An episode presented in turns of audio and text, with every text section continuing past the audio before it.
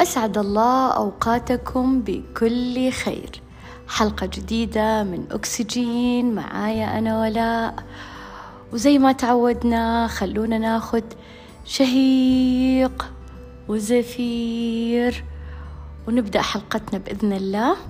بس قبل ما نبدأ حابة أشكر كل اللي يدعموني حابة أشكر كل التعليقات حابة أشكر الجميع على آه، النقد البناء. حابة أشكركم على وقفتكم معايا.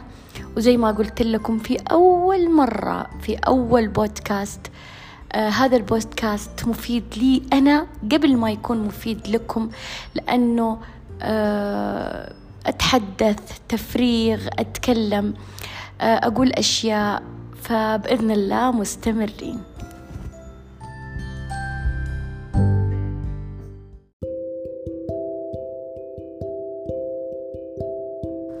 الضغوطات العصبية هل إحنا نزيد الضغوطات العصبية على أنفسنا أم هي خارجية؟ يعني مثلا آه، تمر علينا كثير من الأيام تجي تسألني آه، أقول لك ما في شيء جديد بحياتي لكن أنا مضغوطة جدا مضغوطة. طيب من فين جت الضغوط دي؟ مدام ما في حاجة جديدة والروتين زي ما هو هو. كثير من الدراسات أشارت أنه آه، أغلب أسباب الضغوطات العصبية الخارجية هي نقطتين أساسيتين. أول نقطة هي محاولة الوصول إلى الكمالية. وثاني حاجة هي التوقعات. محاولة الوصول للكمالية أو المثالية هذه دائما تصير إنه إحنا نحط أهداف معينة لأنفسنا لشخصياتنا لتعاملنا بمثالية كاملة. لكن ما في أحد مثالي ولا أحد كامل.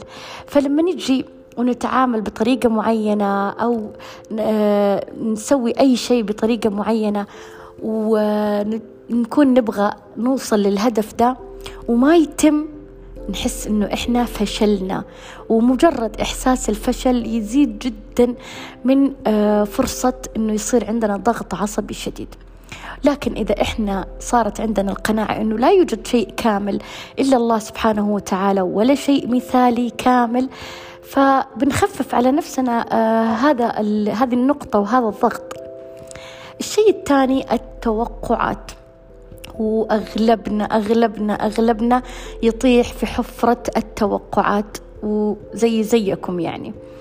دائما إحنا نرفع سقف توقعاتنا فوق جدا مع أنه السقف العادي يعني إيش مشكلته؟ خلونا نعطي مثال مثلا إني خلينا على نطاق الوظيفة.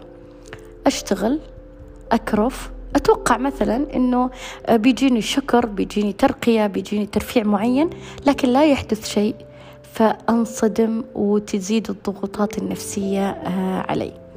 آه، بالنسبة لنا مثلا خلينا على النساء العاطفيات. أتكلم مع شخص تربطني فيه علاقة زوج أو حبيب أو خطيب. آه، أكون زعلانة وأتوقع أنه هو بيعرف إيش سبب الزعل ده من غير ما أنا أقول له.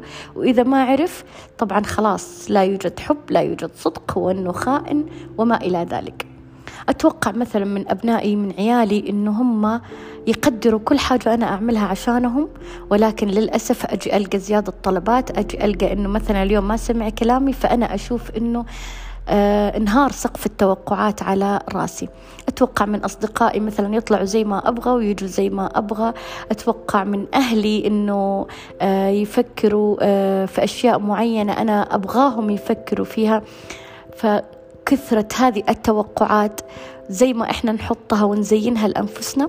وتجي بعد كذا تطيح على راسنا وكل ما تجي تسألني أقول لك مضغوطة عصبيا.